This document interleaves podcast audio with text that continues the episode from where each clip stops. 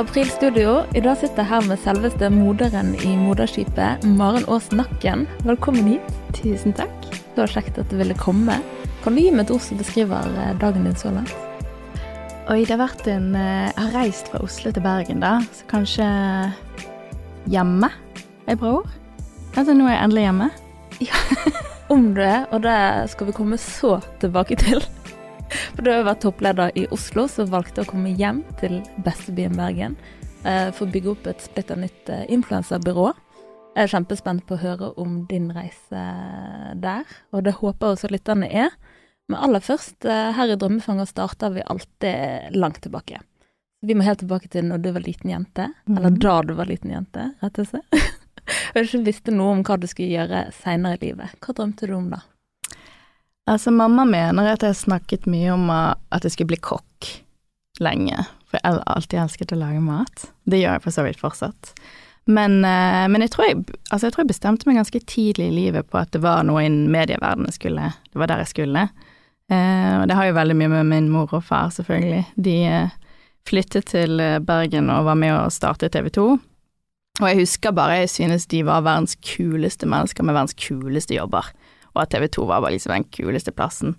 Um, så jeg tror jeg, liksom, jeg bestemte meg liksom veldig tidlig at liksom inni den verden, det skulle jeg òg. Mm. Mm. Hadde du noe begrep om hvordan du på en måte skulle komme dit? Du studerte jo i Volda, Mm. som egentlig er en kjent skole, så det er mange talenter som har gått Mm. ut eh, fra den skolen. Men var det derfor du ville begynne der? Ja, altså jeg skjønner jo at det er definitivt resultatet resultat av mine foreldre, for de studerte jo også i Volda. Um, og når jeg da var barn og så på de som mine store forbilder med verdens kuleste jobber, så var det liksom Jeg vet ikke, jeg tror det var alltid Volda jeg også skulle til. Um, men vokste opp i gangene på TV 2, der var de fleste kom fra Volda. Um, jeg har bare hørt godt om det før jeg begynte der selv. Mm. Og som du sier, liksom, det er et eller annet Det er en liten bygd på Vestlandet, men en kjempestor skole hvor eh, Ja. eh, mange talenter kommer fra, da. Mm. Jeg har jo møtt og jobbet med mange av disse talentene, men Ja. har aldri gått der selv, så jeg er jo kjempespent Mm. på hvordan det faktisk har vært å gå på den skolen. Hvordan vil du beskrive tiden din der? Altså, jeg tror virkelig det, det er noen tre beste årene i mitt liv, kanskje. Um, jeg ser tilbake på den tiden som helt fantastisk. Og jeg, altså jeg, er veldig, jeg var ikke veldig skoleglad. Var etter videregående så sinnssykt lei av skole. Men eh, på høyskole i Volda så det er mye mer vekt på det praktiske, du skal gjøre ting. på en måte Det er ikke mye tid på lesesal. Eller jeg husker nesten ikke lesesal. Jeg tror jeg var der innimellom, men det var Du er i studio, du produserer, du lager radio, du lager TV. Det er utrolig mange festivaler drevet av studenter der, og et fantastisk miljø.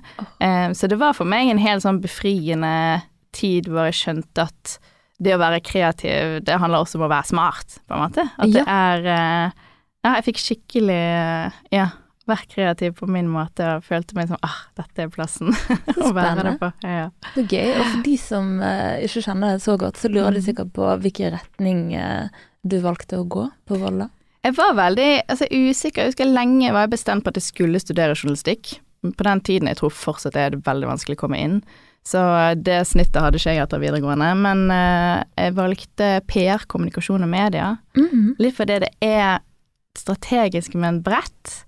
Em, og det handler om å liksom finne de beste løsningene i kommunikasjon. Altså det, er, det kan være alt. Det, er, det innebærer det grafiske, det er tekst, videoformidling. Um, og jeg følte liksom den utdanningen, har gitt meg en kjemperyggsekk i videre. Selv om Mm. jeg trodde jo jeg skulle være PR-rådgiver i et eller annet veldedig organisasjon, og så ender jeg opp som liksom, manager for influensere. Men det er Ja, nei, den er en, eh, er veldig fornøyd med det studiet, og angrer ikke på det et sekund. Ja, det blir kjempespennende å høre eh, på en måte den, hva som har skjedd imellom der.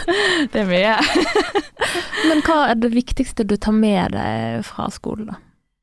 Altså, det som er helt unikt med Volda, er det nettverket du får etterpå. Altså, eh, Volda, for de som ikke har hørt om det, det er, det er kanskje Norges beste medieskole. Du har journalistikk, du har TV-produksjon, radio, eh, animasjon og grafisk design. Um, så når du tar med deg liksom alle de gode vennene dine ut i arbeidslivet, så plutselig så møter du Ja. på en Volda-student eller medstudent i hvert mediehus. Altså sånn, de er overalt. Er Eh, god. så det er, en, eh, det er et sinnssykt nettverk du får med deg. Og så Mm. tror jeg også det er litt sånn kvalitetsstempel at du har vært på den skolen Ja. så da Det er det jo i denne bransjen. Ja, virkelig. Ja, vir ja virkelig. Ja. Men det er viktig å ha vært grei, da. Ja. Hvis du møter på det overalt. Ja, absolutt. Mm. Men jeg tror liksom i Volda var veldig sånn Det var veldig sosialt. Mm. eh, Veldig sånn positiv, god stemning. Mye eh, frivillighetsarbeid. Mm. Um, og da er det Det kommer da liksom et fint samhold som jeg også tror Mm. liksom, folk husker igjen, da. Når Ja. de møtes i arbeidslivet igjen. Det er noe med den nerven i eh, ja, frivillighetsarbeid, men Mm. det, de første jobbene du tar som du gjerne Ja. tar veldig lite betalt for, eller jobber gratis, og det er bare ren rå lidenskap og drivkraft, liksom, Ja. som, som driver. Det er noen av de gøyeste jobbene jeg har hatt også. Definitivt. Mm. Men du flyttet jo til Oslo, som mm. veldig mange andre, og endte opp i Splay One, som er et kreativt byrå for kommersiell underholdning. Kan vi beskrive det sånn? Ja, det syns jeg man kan gjøre. Ja. Eh, til slutt røk jo du helt til topps der, som CEO for selskapet. Mm. Kan du ta oss igjennom den reisen? Altså, det må jo ha skjedd noe fra, fra du begynte der, eh, som egentlig er veldig ung, ja. eh, til du på en måte sto der med den kontrakten, lederkontrakten i hånden. Ja, og så var det kanskje liksom Etter Volda så var jeg jo innom eh, TV-bransjen, og jeg jobbet for merkevarer, em, og jeg var Jeg ble veldig ung leder veldig fort, holdt jeg på å si. Jeg tror jeg var Min første lederjobb var i Da var jeg 25 år eh, og var markedssjef for Godt levert, og var der i to år. Og så Eh, I alle jobbene jeg har hatt før, der, så har jo man jobbet med video og sosiale medier og altså influensere eller innholdsskapere. Så Mm. jeg ble liksom kontaktet av en hodejeger som spurte meg om jeg hadde hørt om Splay. Det hadde jeg ikke. Jeg hadde Mm. jobbet med mye bloggere, men Mm. dette her Splay var liksom representerte et univers som var liksom helt, egentlig helt nytt for meg. Det var Mm. youtuberne, altså de Ja. første liksom OG-youtuberne i Norge, Ja. som var superstjerner. Det var liksom Herman Dahl som fylte kjøpesenteret. Prebz og Dennis, som veldig mange husker. Amalie Mm. Olsen var liksom 16 år og sto på pikerom og lagde sminkevideoer. Oi, oi. Men uh, det tok skikkelig fart, og da ble jeg spurt om å um, starte der som egentlig kommersiell leder. Altså Mm. sånn vi skal bygge et nettverk av youtubere i Norge. Mm. Det var allerede etablert i Stockholm, Kjøben og Helsinki. Eh, Norge var sist ut, selvfølgelig, lite marked. Eh, men det må jo gå liksom, Målet var liksom det skal være eh, levedyktig. Vi må kunne hente penger på dette for at youtuberne kan ha en karriere, og at businessen kan, kan leve. Mm. Så det var liksom første året der, så var det liksom å virkelig sånn banke på dører til merkevarer og forklare sånn Har du hørt om YouTube? Omtrent. Vet du hva en Mm. influenser er? Så dette Nå er vi tilbake igjen i 2017, Eh, og det er lenge siden, og det var Ja. det Mye har skjedd siden det. mye har skjedd siden Wow. det. Men eh, det var Kristina Parker, en fantastisk dame, som etablerte det i Norge, og hun gikk ut i mammaperm. Så jeg ble interim eh, CEO em, allerede i 2018. Ja. Så jeg hadde bare ett år på beina i Splay før jeg fikk liksom ansvaret. Ja. Og så gikk det Wow. to uker inn i min interim, eh, og da fikk jeg beskjed fra gründeren at nå skal vi eh, fusjonere med et annet selskap. Så det var, det var helt galskap. Da var jeg da 27 år og tenkte Ja. hjelp, nå skal jeg drive en liksom fusjon med to selskaper, og kommer dette til å gå? Men eh, det gikk jo veldig fint. Ja. Følte du det på en måte um, Hvis du ser bort fra utdannelsen, Ja. eh, men som personlig følte du deg på en måte rustet for dette med tanke på det å ha troen på seg selv, selvtillit um, Jeg sant? Du må jo ha virkelig kapasitet. Sant? Ja. Det er jo Altså, jeg tror jeg var for ung til å skjønne hva jeg skulle gjøre, og det er jeg nesten liksom glad for, fordi Altså sånn, jeg husker jeg googlet sånn 'Hvordan fusjonere selskap?' Altså så det var virkelig mm. Jeg hadde liksom Utdanningen min er jo kommunikasjon, og selvfølgelig man har gått noen lederkurs og sånn, men, mm. men det å liksom eh, få to helt ulike selskaper med to helt ulike kulturer Det selskapet vi fusjonerte med, sant? de var eldre enn meg, Mm. Eh, det var eh, menn med mye høyere lønner enn meg. Så var sånn, hvordan skal vi liksom få disse til å samarbeide? Ja. Eh, jeg husker jeg tenkte at dette ble tøft, Mm. men jeg tror nok jeg alltid har hatt en eller annen form for Pippi i meg som sier ja, det kommer til å Mm. gå fint. Jeg tror Du må bare prøve det beste, og så går det. Ja, uredd rett og slett, tenker jeg Ja, det Eh, kan Ut fra det du sier, for uh, det er nok langt ifra alle som måtte ha turt å bare, Ja. Bare kaste seg ut i det der. De fleste må dyppe tåen i vannet litt Ja. før de stuper uti. Og jeg ble kastet, altså brutalt kastet kastet ut i det. Uten livbåt og greier, Ja, ja, ja. sant. Så Så det Men det gikk veldig fint. Det, det ble resultert i Splay One, Mm. um, og eh, vi hadde en enorm vekst og klarte virkelig å vinne litt denne profilkrigen, etablere oss, bli kjent, merkevare, Mm, um, og få det lønnsomt, da. At det- Ja. Mm. Ja, og det merker man jo på disse youtuberne. Altså noen av de eh, er jo litt mer åpne enn andre om Ja. eh, lønninger og sånn, så det virker absolutt som de klarer seg. Ja, det gjør de, definitivt. Ja. Eh, på snakk om unge talenter, så tenker jeg Mm. på Egentlig vi var litt borti det i sted med dette å ha troen på, på at man kan få ting til, og mange unge, sant, da har du jobbet med mange unge, det er jo veldig mange som sliter med dette her imposter-syndromet, Mm. sant, og man kan aldri bli god nok, og man klarer liksom aldri å mobilisere den der ektefølte troen på seg selv, da.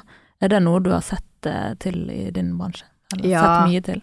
Og jeg tror liksom Jeg har hatt unge, altså relativt unge ansatte og influensere. Jeg tror Isplay som så var snittalderen på de ansatte var sånn 25-26 år. Og det er ganske ungt. Um, jeg husker jeg var kanskje en av de eldste på en periode. Eh, men, eh, men det er jo selvfølgelig Det er veldig forståelig, for de kommer ut av skolen. Sant? De har, man er som ny Du skal liksom skjønne arbeidslivet. Men det jeg ser som jeg syns også er på en måte litt sånn urovekkende, jeg tror er spesielt den nye generasjonen som kommer ut i arbeidslivet nå, sånn, de er enormt redde for å feile. Mm. Det er sånn, De har en så enorm frykt for å feile, feile, og Ja. da tror jeg de liksom lar være å prøve, på en måte. Altså de, Ja. De tenker eh, mye mer på risiko. Jeg tror Altså det er sikkert et svært sosialt studie om hvorfor de er så redde for å feile, men, og jeg skal ikke begi meg ut på det, men det er jo et eller annet med den der eh, sosiale medieverdenen vi lever i òg, mm. At man er så redd for å bli outet eller hengt ut, eller du er den personen som gjorde noe skikkelig dumt på jobb, jobb, på en måte. Jeg tror eh, Ja, det at det er så synlig da for andre, Ja. tenker du? Ja. Og så tror jeg det er litt Er dessverre litt med den norske kulturen også. Mm. Nå har jeg jobbet mye med de andre nordiske landene. Det, er- Norge er spesielt på denne um, At det er kjempedumt å feile. Altså sånn, Ja. man tør liksom det en, Da blir det katastrofe. Ja. Vi det er ikke bra. Altså Det- Hvis du ser på gründere i Sverige for eksempel, de har eh, startet eh, to, tre, fire selskaper, og halvparten har gått konk. Mm. Man skal liksom gå konk et par ganger før det funker, mens Ja. i Norge så går vi rundt og tror vi har én sjanse. Ja. Og det stemmer jo ikke. Nei, det er egentlig veldig dumt. Ja, det er jo eh, veldig dumt. Men jeg merker jo det, folk er jo veldig på det. sant? Nå har jeg Ja. ikke før eh, kom tilbake fra ferie og skulle på en måte starte opp eh, Mm. type eh, ja, medietjenester, da, men eh, i et enkeltmannsforetak. Og, og folk er jo veldig på dette. Ja, går det bra nå, da? Ja. Går det? ja. Liksom så vidt kom til, sant? Det har jo på en måte gitt meg en um, Absolutt gitt meg på en måte en time limit. ja. Um, der man må tenke at hvis det ikke har gått inn da, så må man jo bare gi opp og Ja. gjøre noe annet, sant. Men man må i hvert fall få tid til å bygge noe opp, tenker jeg. Ja, altså, Eh, bor jo i det, det er jo Norge òg. beregnet inn at det skal ta litt tid. Det skal eller, ta tatt høyde for det at, eh, at Ja. det er ikke sånn at det står der med millionkunder på dag én, liksom. Nei. Og kanskje aldri. Kanskje aldri det. Vil man ha det? kanskje aldri, ja, men kanskje aldri heller eh, så mange som eh, man skulle ønske. Men noen blir det jo. Mm. Men man må liksom ha tid til å, å pleie de og skaffe de. Og. Ja, det må man definitivt. Mm. Men jeg tror kanskje det der er denne, Alle føler nok på kombinasjon med veldig store forventninger til seg selv for man må lykkes. Ja. Og da er vi også superredde for å feile. Ja. Men det er litt sånn, det må være av rette grunnene, sant. Hvis du Mm. går og bærer på en drøm, så er det fint at du, at du har troen på at du kan eh, gjennomføre det og få det til. Ja. Eh, men det er jo noe annet hvis det bare er for at du skal ha noe å si i et middagsselskap, at det Ja. går bra, sant. Det, det er liksom en annen type intensjon, da. Ja. ja. Men eh, jeg føler at du representerer på en måte det motsatte. Eh, sant? Vi snakker om imposter syndrome, Mm. men jeg føler at du er, er på mange måter det. Det har merket liksom etter hvert eh, som jeg har kjent det nå, og eh, andre folk har snakket om det, så er det dette her, denne power-ladyen, Ja.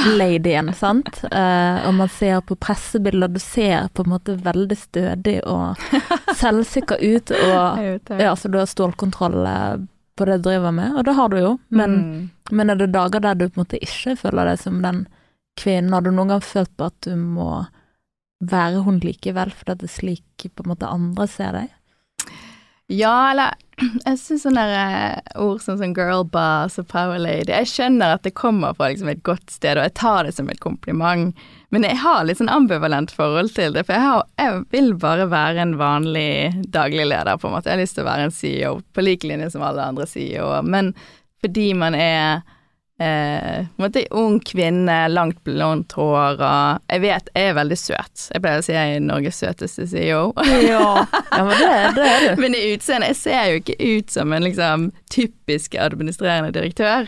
Mm. Eh, så blir det litt sånn jeg, jeg tror Det er jo selvfølgelig godt ment, men jeg tror Um, jeg går ikke rundt og føler meg som en sånn power lady, på en måte.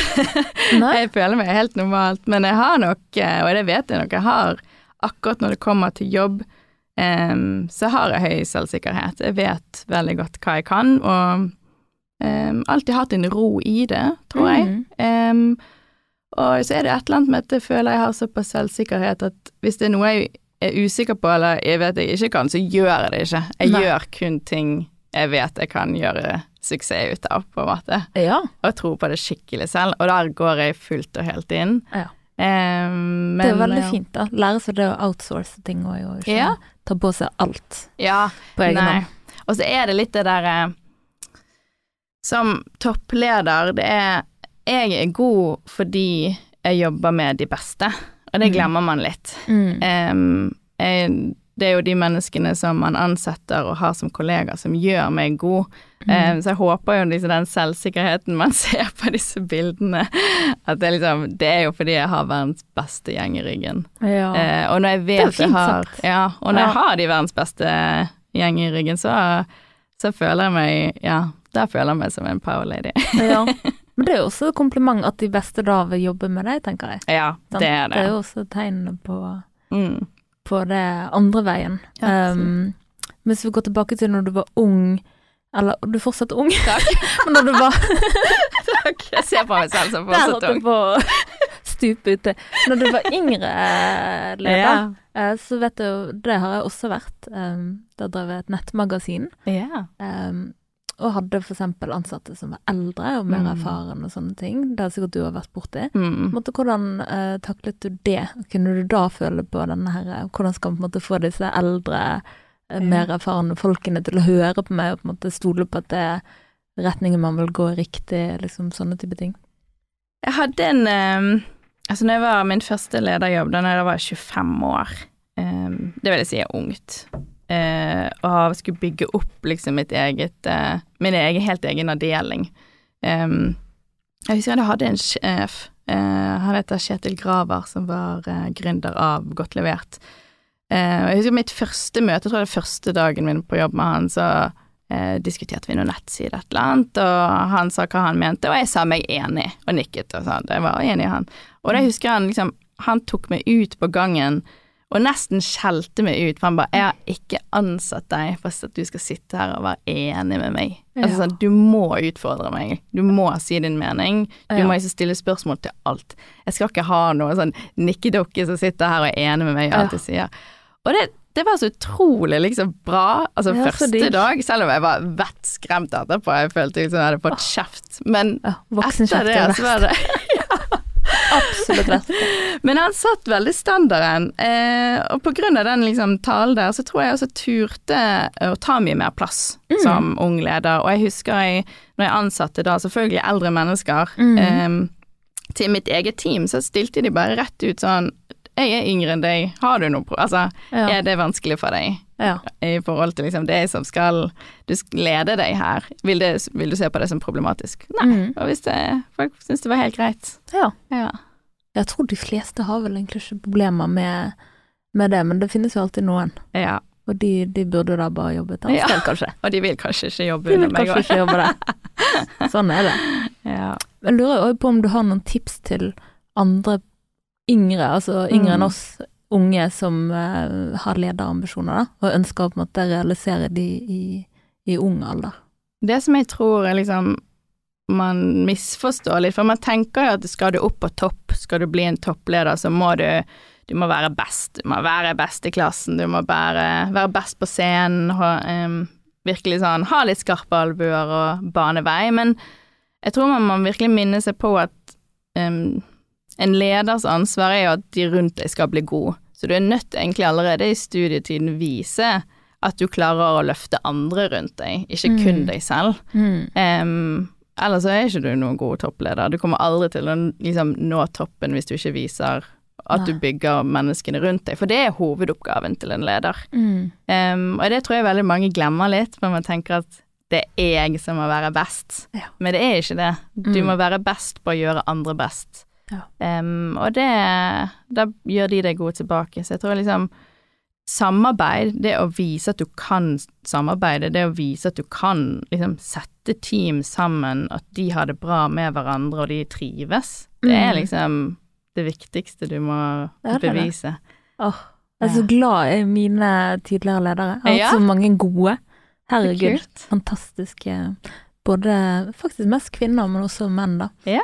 Eh, Som har bare vært eh, helt rå på det og bygge det opp og liksom la det utvikle. Kanskje, kanskje også de pirker litt i det og på en måte gi de utfordringene som du ikke helt er klar for, men de ser at du kan, ja, kan beherske det. For da, ja. da får du på en måte um, Hva skal jeg si, close the gap på en måte Ja. mellom det du trodde at du turde, og det du faktisk kan, da. Ja, for du må, du må utfordre dine ansatte, men du må kunne skape en trygg sfære for at de skal liksom tørre å gjøre ting utenfor boksen sin, fordi ellers så utvikler de seg ikke. Men Mm. de tør heller ikke å em, utvikle seg hvis du ikke liksom lager liksom en trygghet, da. De føler at du har ryggen deres uansett, Mm. på en måte. Og det der med tilrettelegging, og der Mm. eh, Jeg har noen mine altså sliter med liksom kroniske smerter og Mm. sånn, så jeg har jo trengt litt eh, tilrettelegging der. Mm. Sant? At, sant? Det er noen morgener før jeg får tatt smertestillende sånn, som Ja. er helt ut av en annen verden jævlige. Ja. Og da,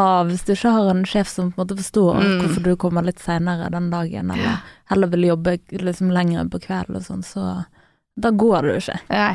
Så, så så glad for at jeg har hatt det. Ja, Litt rørende, egentlig. Ja, det er kjemperørende, og jeg tror Mm. liksom som leder sant, det fins ikke én lederstil. Du kan ikke Nei. lede alle på samme måte. Eh, Folk er ulike, de motiveres ulikt, de har ulike situasjoner, som du nevner. Mm. Så det er liksom En toppleder må være god på mennesker, at du må ha evne til å sette deg inn i andres situasjoner og forstå ok, hvordan skal jeg hvordan skal dette mennesket føle seg trygg og bygge selvtilliten til folk, da. Ja. Så det er jo det. Og um, altså, du kan være supergod i økonomi, du kan være supergod i faget ditt, men hvis du ikke Mm. liksom forstår menneskene rundt deg og klarer liksom å Ja. Ja. Hva vil du si er topp tre egenskaper eh, du tenker leder eh, bør ha? Eh, empati. Jeg tror veldig på emosjonell intelligens, altså du er nødt til å eh, forstå mennesket. Og så må du um, Du må være litt tøff, altså tørre litt. Du må være litt uredd. Mm. Ja. Fordi at uh, det er ikke bare Altså, det blåser mest på toppen, pleier min Mm. far å si. Mm. Og da må du kunne stå der også i dårlige tider og hvis det er et eller annet, en situasjon som vi har vært gjennom en pandemi nå, for eksempel, sånn, Mm. da er det du som øverste leder som må ta ansvar og passe på de, gjengen din. Så det Ja. Oi, oi, oi. Det, da kan du bare forestille meg dette med altså medieomtale. Mm. Da, nå er dette fag du faktisk har studert, så da eh, kan man det der mer fra innsiden. Men jeg tenker Ja. for andre lærere, så dette er jo noe de må lære, altså medietrening ja, og, ja, ja. og rett og slett å bruke tid, energi og ressurser på å Ja. lære seg å håndtere media på en god måte, og krisekommunikasjon og Og ikke minst liksom intern kommunikasjon. mm. Hvordan skal vi være ærlig og åpen med de ansatte, men samtidig på en måte Ja. at de skal føle seg trygge. Det er en sinnssyk balanse, og Ja. det å kommunisere til organisasjonene ja, Mm. det det man må bruke mest tid på, egentlig. Da vil jeg gjerne trekke fram eh, min eh, Ja. gamle leder eh, Linn Mevold, Mm. som var helt fantastisk på det. Kult. Det tror jeg produsent Ja, Espen! Produsenten Espen eh, tar opp hånden, han er helt enig. Ja, Eh, fantastisk. fordi eh, det å på en måte være informert underveis om alt som foregår Mm. i bedriften, gjør jo at folk blir mer motiverte. Ja. Så det er veldig kjekt. Men vi skal inn i noe annet kjekt. Vi skal inn i spalten Uh. Pingvin i fryseren. Så Maren, take it away. Hva fikk deg til å le sist på internett? Oi Jeg syns eh, Jeg lo skikkelig, skikkelig godt av eh, Ole Sirnes som la ut en, eh, en, en matvideo på TikTok, og så har han eh, tatt av seg buksen. Så du ser han er varm, rumpe. Jeg synes Da lo jeg faktisk kjempehøyt. Han er vittig. Jeg har ja, fått litt med på han etter at du hysterisk. eh, Ja. har lagt ut litt eh, En veldig ja, fiffig Ja. tilnærming til mat. ja, men at han er så liksom Han deler sin unike kunnskap. Da han er jo utdannet kokk, Mm. eh, og inspirerer samtidig til hva du skal lage mat, og inspirerer folk til å lage mat fra bunnen av. Og Mm. samtidig har han denne humoren sin, så er bare sånn. Nei, han ler jeg utrolig mye av. Han anbefales. Ja. Mm. Hva og hvor drikker du helst på byen? Jeg havner som oftest på Tempo Tempo, da. Mm. Eh, ah, Det er jo fantastisk. ja, og så går du inn der, og så møter du alltid en du kjenner. Mm. Så det er litt med menneskene som er der òg, tror jeg. Ja. Ta med et glass eh, Nei, vin av et eller annet slag. Ja. Ja. Så har du jo fått en veldig digg meny. Ja, det vet. Mm. Helt nydelig. Du Ja. bruker så mye grønnsaker, og det er så sykt digg. Det er fantastisk. Så ser det pent ut. Mm. Absolutt. Hva er det beste komplimentet du kan huske å ha fått? Oi Ehm. Det er så mye, jeg holdt på å si. Nei, men jeg, jeg blir veldig glad hvis eh, Når folk sier at jeg er dyktig Mm. på et eller annet. Eller hvis jeg har vært gjennom en tøff prosess, og så sier de at eh, dette, ja, dette gjorde du riktig. Det tror jeg, ja.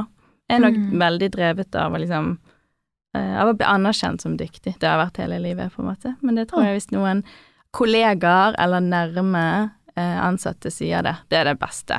Ja. Og det er nok eh, komplimenter fra ansatte også som kanskje treffer Ja. meg best i hjertet.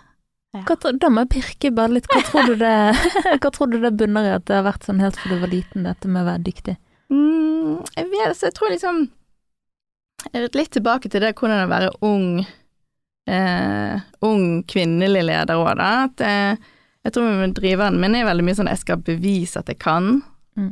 Um, fordi man eh, Jeg vet ikke, man føler altså man har kanskje blitt eh, hva heter det, undervurdert, da. Og den Mm. å være undervurdert, det møter man på mye som ung kvinnelig Mm. leder. Altså, og for de lytterne som ikke vet hvordan det ser ut, det ser, altså barn pleier å si jeg ligner på Elsa i Frozen, på en måte. Med Nydelig, lange, blonde hår og ja. lange øyevipper og Ja, jeg skjønner, skjønner litt den, da. Ja, og jeg tror Men, liksom, um, helt fra studietiden, jeg husker jeg hadde en sånn ekstern eh, sensor på en muntlig eksamen, Mm. eh, for B, utrolig streng dame. Hun hadde en tale om at jeg var altfor søt. Jeg kom aldri til å klare meg i bransjen, for det var altfor her satt jeg var altfor søt, liksom. Det, jeg kom til å bli spist opp. Og det husker jeg bare tenkte sånn herre Det er typisk Det er skal ikke ha noen betydning, det, egentlig. Nei. Og jeg ble illsint, slengte igjen døren og tenkte sånn, nå skal jeg faen meg bevise. Og det er jo Og det har du gjort. det har jeg gjort. Men det er litt, det er litt sånn klassisk, og mine venner pleier alltid å si det sånn, det er så lett å gire deg opp, Maren, for det er bare å si sånn, nei, vi tror ikke du kan gjøre dette, og så bare kjører jeg i gang. Ja, da skal du En eller annen bryter i hodet mitt som kicker inn og noen liksom undervurderer meg av et eller annet slag. ja. Hvor sunt det er, det er jo vel kanskje en annen diskusjon, men ja, det definitivt, det er liksom, ja. mm. Men Det det er noe du, du har følt at du har blitt det, da? Ja, ja. En del i løpet av livet? Ja, ja. Det er jo det samme mening, fra når man var ung og gikk på skolen. Mm. Sånn jeg var superkreativ og fikk høre liksom Hatet jo matematikk, for eksempel, og alt som Mm. var og.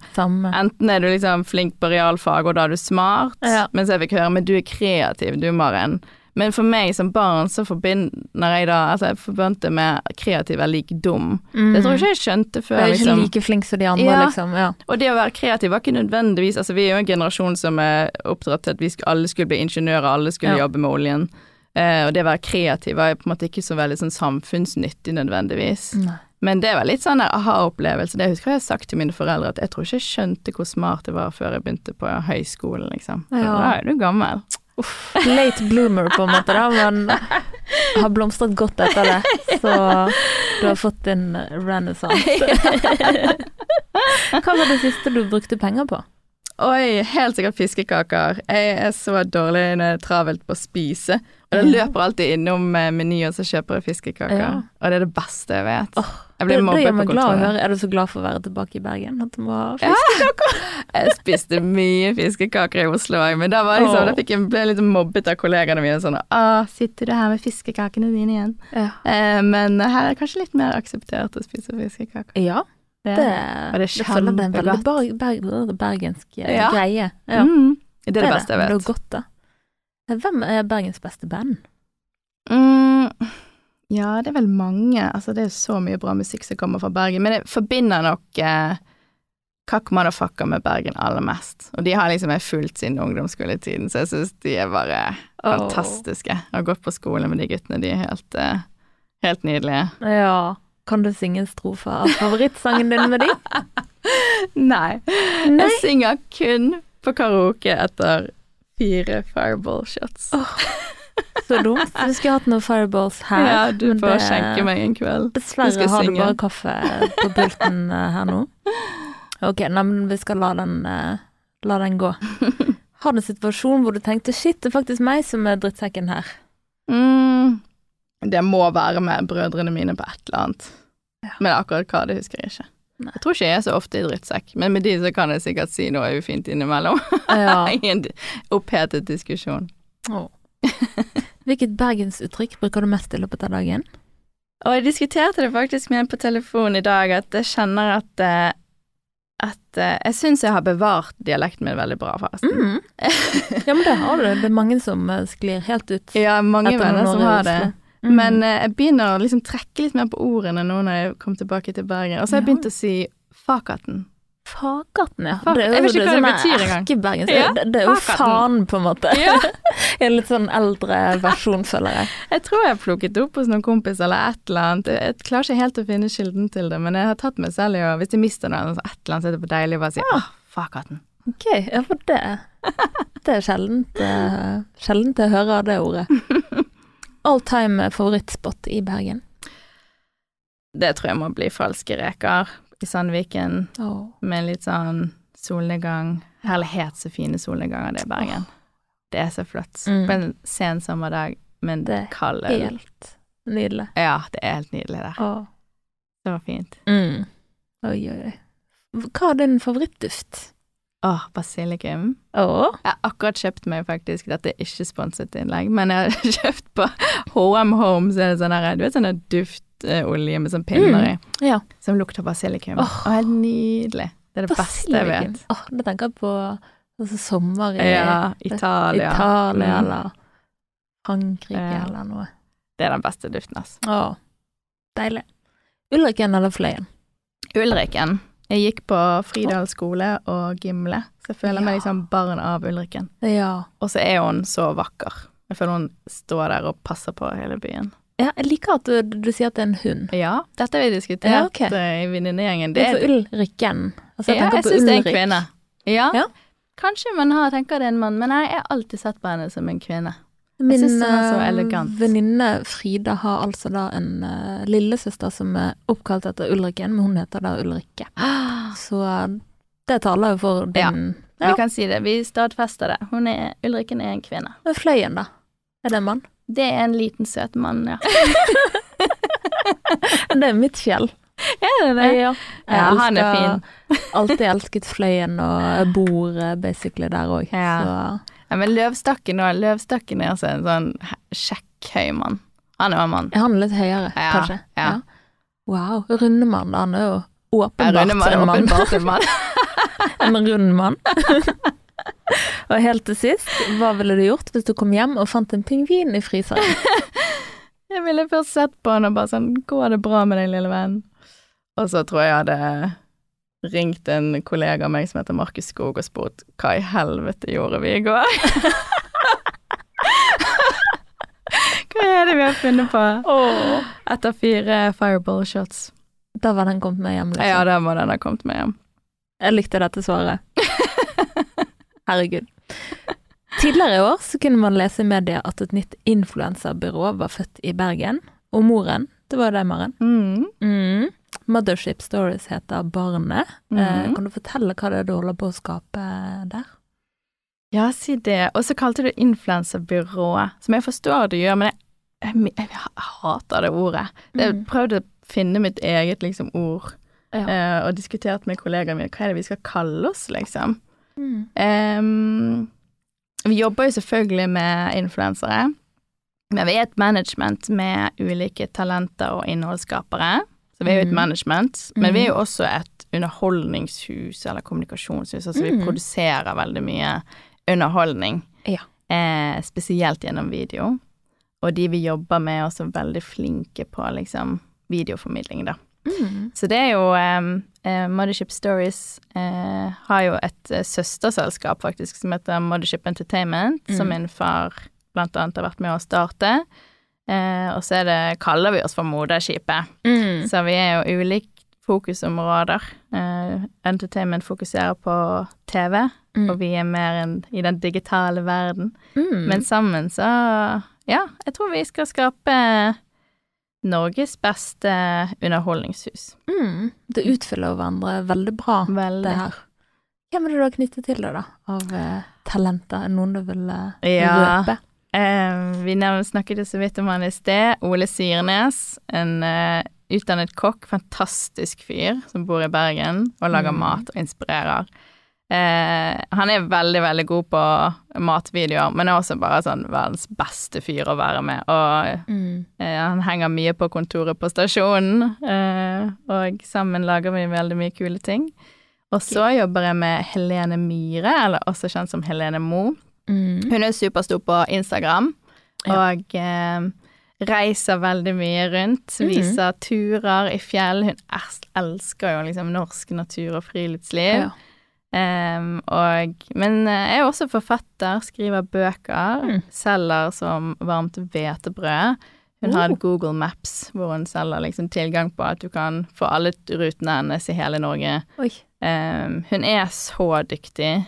Eh, heldigvis så Eller jeg har kjent henne i veldig mange år, Ja, ok. så jeg er veldig heldig for å få lov til å jobbe med henne igjen. Så gøy. Og så er det en jente som heter Louise Lone. Hun er Mhm. 20 år, fra Osterøy, men ble mamma som 16-åring. Og hun, eh, altså hun er super, hun er en av de største tiktokerne vi har i Norge. Mm. Med 660 000 følgere, tror jeg. Det er ikke, Mm. men jeg mener så noe i Mm. media nylig Ja. om, om hun, sant? Ja. Amerikanerne elsker henne. Og det er jo, hun viser en veldig sånn ufiltrert liv der, med hvordan det er å ha bli Mm. mamma så ung. Det å miste alle vennene sine i en slik situasjon.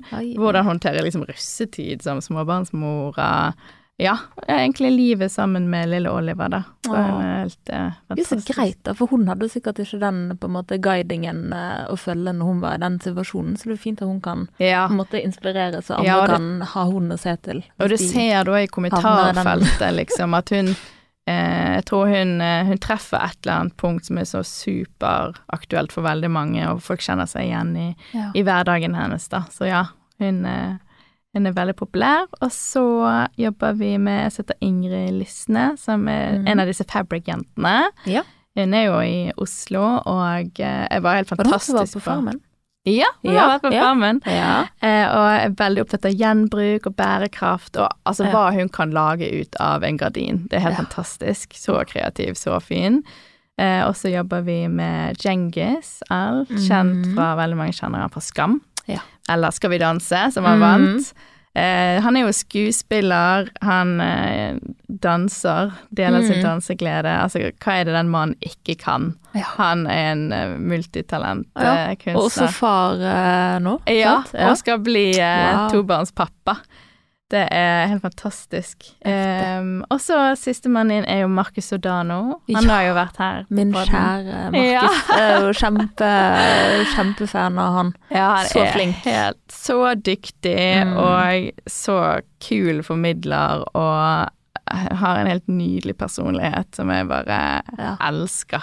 Ja, ja, så talentfull, og så Mm. ydmyk, og så lett å jobbe med. Jeg har hatt gleden av å jobbe med han først på en dokumentarserie, der jeg fulgte han. Og så han har han kommet i podden og litt sånn i ettertid, så Kult. ja. Han, han må jo fortsette å følge med på og heie Ja, på. er det ja. en som vi kommer til å høre mye om fremover, så er det definitivt han. ja. Jeg er bare glad at jeg har fått denne podden på et tidlig tidspunkt, for kanskje Ja. det hadde vært umulig om uh, Lausanne hadde fått manager i hele pakken. ja. Ja. ja, men det er bra. Det er jo veldig mange ulike kategorier du har valgt å knytte mm. til det influensere i, da. Mm. Hva er på en måte tanken der, eh, i den miksen du har valgt å ha? Det er hele tanken. Altså, nå er jo I min tidligere jobb sånn, så tror jeg vi var opp til sånn 60 influensere. Ja. Det var stort. Det ble utrolig mange. Eh, men hele modellen vår nå er at vi skal være få profiler. Vi skal være en profil som, er, som representerer sin egen kategori. Em, og som har en nisje eller en lidenskap eller en interesse og en eller annen glede ved å liksom inspirere og lære bort. Mm. Um, så er det Så har jeg altså tenkt, tatt litt sånn lang tid med å tenke på hvem er det jeg har lyst til å jobbe med å ha i managementet vårt. Em, og så er det sånn der uh, finne mennesker som man også har lyst til å bruke tiden sin på. Hvor Mm. man har god kjemi, trives med, kan også ta en kaffe med, på en måte. Fordi man skal Ja. jobbe mye sammen. Ja. Og jobbe er en stor del av livet, så det, ja, det at man har uh, gjensidig ønske og vil hverandre vel, er viktig. ja. Ikke bare hvor mange liksom, følgere du har på Klart. Instagram eller TikTok. Det var egentlig veldig positivt. eh, altså jeg ble positivt overrasket over å se Mm. At det åpenbart også var andre faktorer enn bare følgertall Ja. som på en måte avgjorde Absolutt. hvilke profiler dere har valgt å liksom Mm. knytte til dere, da. Og hva er visjonen på sikt, da? Er det en sånn lang, langsiktig plan du kan røpe litt av, kanskje? Ja, altså, jeg er jo en person som alltid tenker veldig stort, og tenker langsiktig. Så selvfølgelig, Mothership skal jo bli Nordens beste underholdningshus, og så levere kvalitet i, i alle kanaler. Men jeg har fått beskjed om å være litt mer ydmyk, så kan jeg jo begynne å si at vi skal bli Norges beste. Ja. så får vi begynne der. Eh, men, eh, men i forhold til visjonen min til Bergen er at jeg kjenner jo veldig på dette at det er så utrolig mye som er sentralisert i Oslo. Det er så mye historiefortelling som kommer fra Oslo. Reklamebyråene sitter der. Eh, hovedkontorer sitter der. De største merkevarer er der. Mm. De største liksom, TV-produksjoner er i Oslo. Alt Mm. kommer fra Oslo. Jeg syns det er Vestlandet har så mye å by på. Det er så mye Ja. historier i hele landet vårt som vi er nødt til å trekke fram. Mm. Så visjonen min her i Bergen også, og grunnen til at vi har hovedkontor i Bergen, som er Ja. superviktig, det er jo liksom kunne være med å løfte talenter og historier fra nettopp Vestlandet. Ja, som også er så viktig, for jeg har så mange, eller mange, men jeg har jo en god del venner i bransjen som Mm. bor i Oslo, Ja. og som egentlig kunne tenke seg å flytte hjem, sant? men det har bare aldri vært noe tilbud. Så da vet jeg liksom at, eh, at de ser et større håp på å komme hjem, og det er ingenting mer man vil enn at Ja. disse folkene skal komme tilbake til Bergen. Ja, altså vi skal Vi har hovedkontor i Bergen, og så kommer vi til å ha et lite distriktkontor i Oslo, og det syns jeg er litt morsomt. Men det var jo interessant å se når jeg gikk ut og fortalte at jeg skulle starte dette i Bergen, så Mm. De fleste telefoner som kom til meg da, det er jo sånne eksilbergensere i Oslo som sier 'Maren, jeg har lyst hjem', liksom. Er det, Ja. finnes det mulighet for jobb? Jeg vil eh, det er, Jeg tror det er utrolig mange eksilbergensere som også vil hjem, men at man tenker at det er ikke så veldig mange jobber i denne byen. Så Ja. om jeg kan være med og bidra til å skape flere arbeidsplasser i den kreative verden her, så er Mhm. det Det er helt fantastisk. kjempedrøm. Det er jo en eh, stor visjon, Ja. var bare helt eh, nydelig. Eh, Du har jo hentet med deg Mia Amalie på laget, yeah. som er kjent fra Egmont People. Har jo gjort det kjempebra der. Yeah. Tror vi som er i bransjen har i hvert fall fått med oss det navnet. Hvordan blir det hun med på laget, tror du? Altså, det syns jeg er en kjempeære å få henne med. Og det at hun eh, Hun jobber jo liksom et av Nordens største liksom, mediehus, Egmont, og har jobbet med store profiler der. Eh, det er en utrolig liksom kul arbeidsplass hun har hatt. Det at hun liksom hopper av det for å være Mm. med på et lite gründerprosjekt i Bergen, det syns jeg bare er så kul. Og attpåtil så er hun høygravid, det så du sikkert på bildet. Hun sto. Der med magen sin. Og det beundrer jeg så sterkt, det at uh, vi vet at kvinner liksom, når vi begynner å etablere familie, vi tenker risiko på en annen måte, vi, vi har lyst til å bygge rev, vi trenger trygghet. Mm. Dette her er jo også liksom rare økonomiske tider, sant. Mm. Altså alt er dyrere om dagen, men det at hun allikevel, med den store gravidmagen sin, hopper inn og ønsker å være med på dette, det syns jeg er ja, jeg syns hun er råkul. Ja. Og så er hun et navn som er Hun er kjent for å være veldig dyktig. Mm. Jeg har aldri jobbet med henne tidligere, men alltid Nei. vært sånn et navn i bransjen som jeg liksom vet at hun er dyktig. Jeg har Mm. bare hørt godt om henne. ja. Eh, så det Ja, og det som gründer å kunne ansette sin første ansatte, som er henne, det, Ja. det er stort. Gratulerer. Tusen takk. Så kjekt. og så er hun fra Bergen. Mm. Jeg er fra Møhlenpris, Ja. så liksom å ha to eh, sterke bergensere i, eh, i gamet, Ja. tenker jeg en, eh, det er en god duo. Det var en dynamisk og fin duo, Ja. ut ifra bildet i hvert fall, men nå kjenner jeg jo litt til begge to, så Ja. det der må jo bare bli kjempebra. Mm. Du jobber jo også da med din far. ja. Ja. Som da på en måte er, er hva skal vi si, kaptein på moderskipet Mm. Entertainment-skuten, Yes. da. Eh, I mine øyne er det veldig interessant. Sant? Man kan bare se for seg eh, både positive og negative Mm. måte, effekter av det å jobbe med så tett familie. Eh, men bare for å For å bare nøste litt i Altså, hvordan er på en måte forholdet opprinnelig? Hvordan vil du beskrive deres forhold? Jeg tror oss som familie, da jeg har eh, liksom mor og far fra mediebransjen, og så to brødre vi er vel, altså Som familie så er vi veldig nære, Mm. og vi liker å, være sammen. Så jeg tror liksom det er et godt grunnlag, at Mm. man liker hverandre.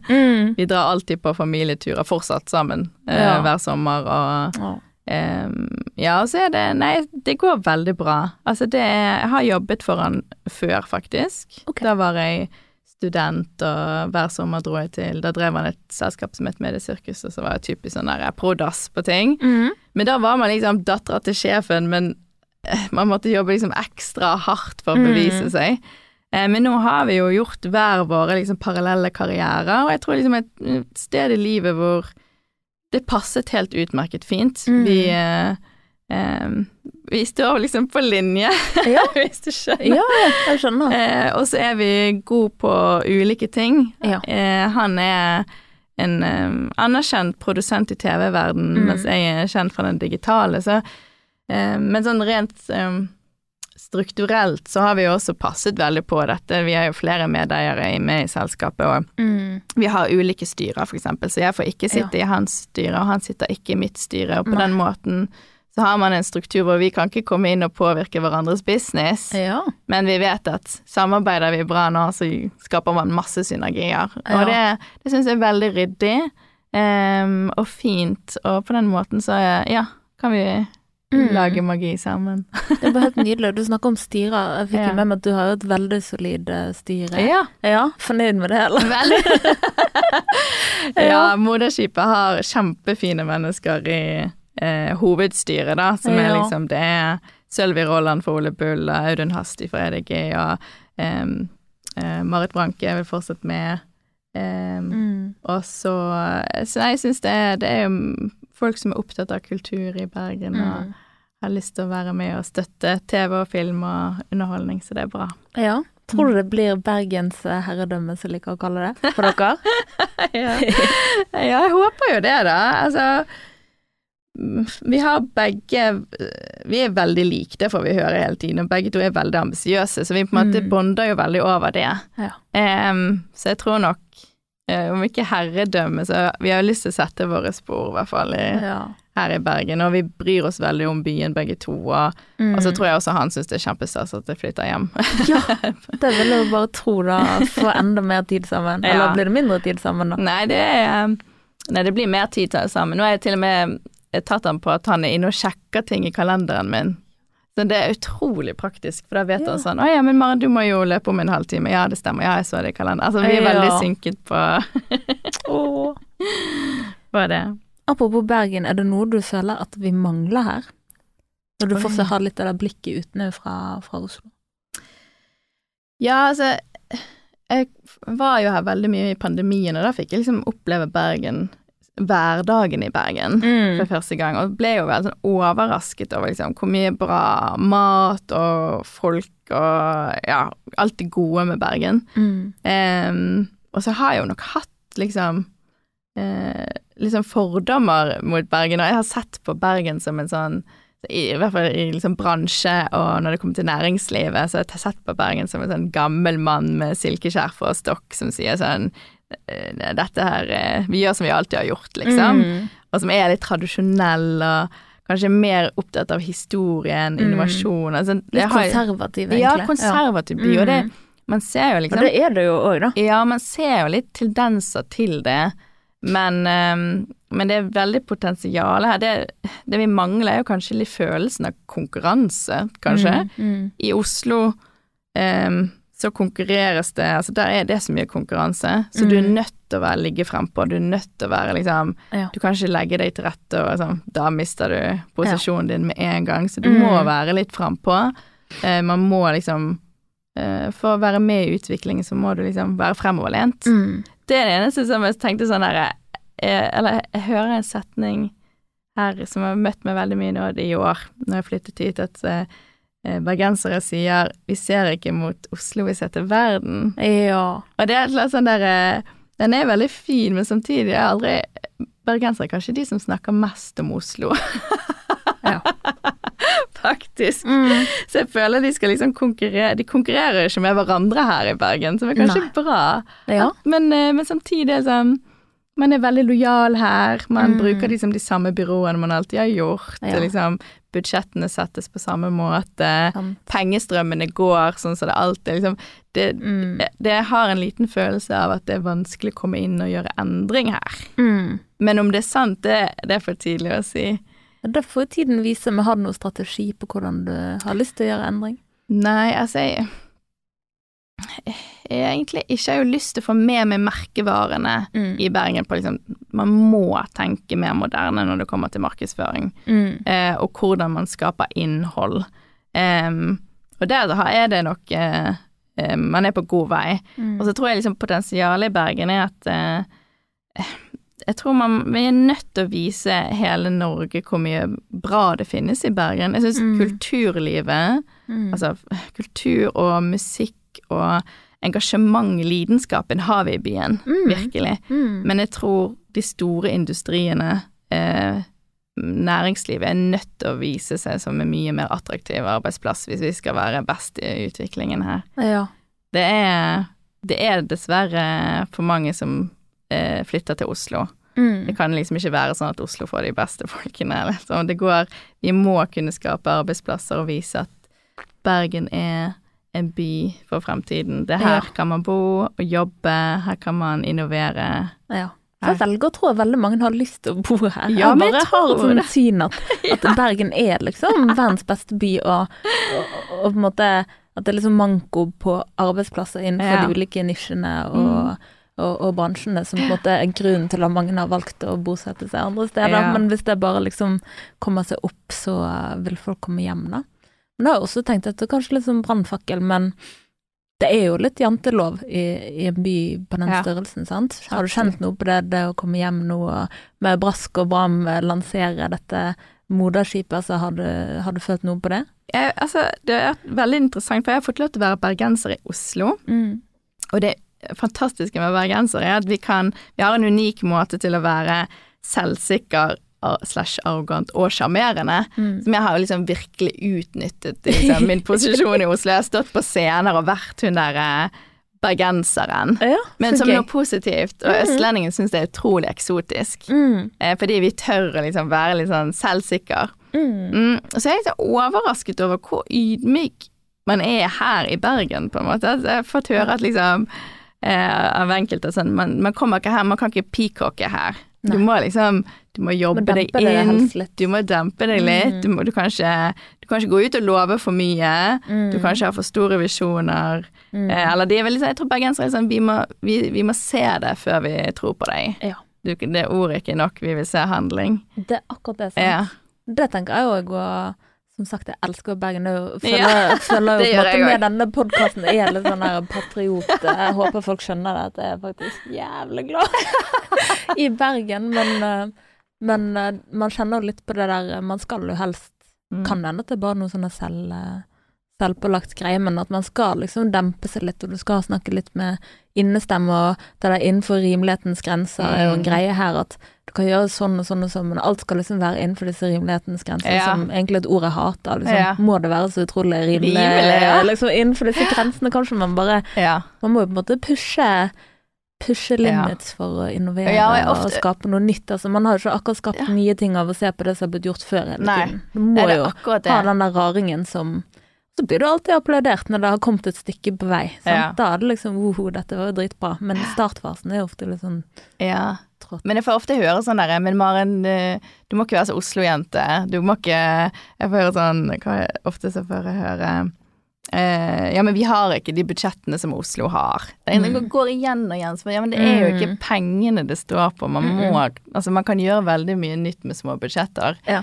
Men, eh, men ja, jeg tror man må slutte å sånn, se til Oslo og tenke på hva Oslo gjør hele tiden, og så heller Mm. tenke hva er det vi kan gjøre nytt, og hva er det vi kan løfte fram her i Bergen. Ja. For det er, det er Norges beste by. Det er det. Det er. Jeg tenker det sitter litt i hodet, det er liksom glasset halvfullt eller halvtomt. Altså det er en sånn persepsjonsgreie, det er ikke Veldig. realiteten nødvendigvis, det man tenker av eh, begrensninger da. Mm. Men jeg ser at du selger leiligheten din i Oslo, så det- dette er jo permanent, du er kommet for å bli det. Altså, det er så Ja, det er vanskelig å si det høyt. Jeg kaller meg jo fortsatt en pendler. Ja. Men det er nesten for Ja, men nå, nå klipper jeg snoren, altså. Nå flytter jeg eh, på ekte. Mm. Da, mm. Og da må jeg selvfølgelig spørre at hvis du skulle blitt utestengt fra din stambar i Bergen, hva hadde vært grunnen? Hva er et spørsmål? Hva hadde vært grunnen? Oi, jeg blir Hvis jeg er utestengt Altså, jeg blir bare sånn når jeg drikker, så blir jeg så glad. eh, og så blir jeg så glad i folk. Det er sikkert fordi at jeg hadde klemt for mye på kelneren, eller eh, oh. et eller annet. Jeg har ikke peiling. Lager veldig lite bråk, altså. Jeg syns eh, Overraskende snill i fylla. Mm. Eh, ja, det må da kanskje være det. Ja. Overraskende snill fylla var nydelige ord å avslutte med, fordi vi har kommet til veis ende i dag her i podkasten. Tusen hjertelig takk, Maren, for at du ville komme, og for at du har delt eh, av deg selv og din vei. Takk for at jeg fikk komme. Tusen takk til deg som hørte på. Vi snakkes i neste episode. Tudelu!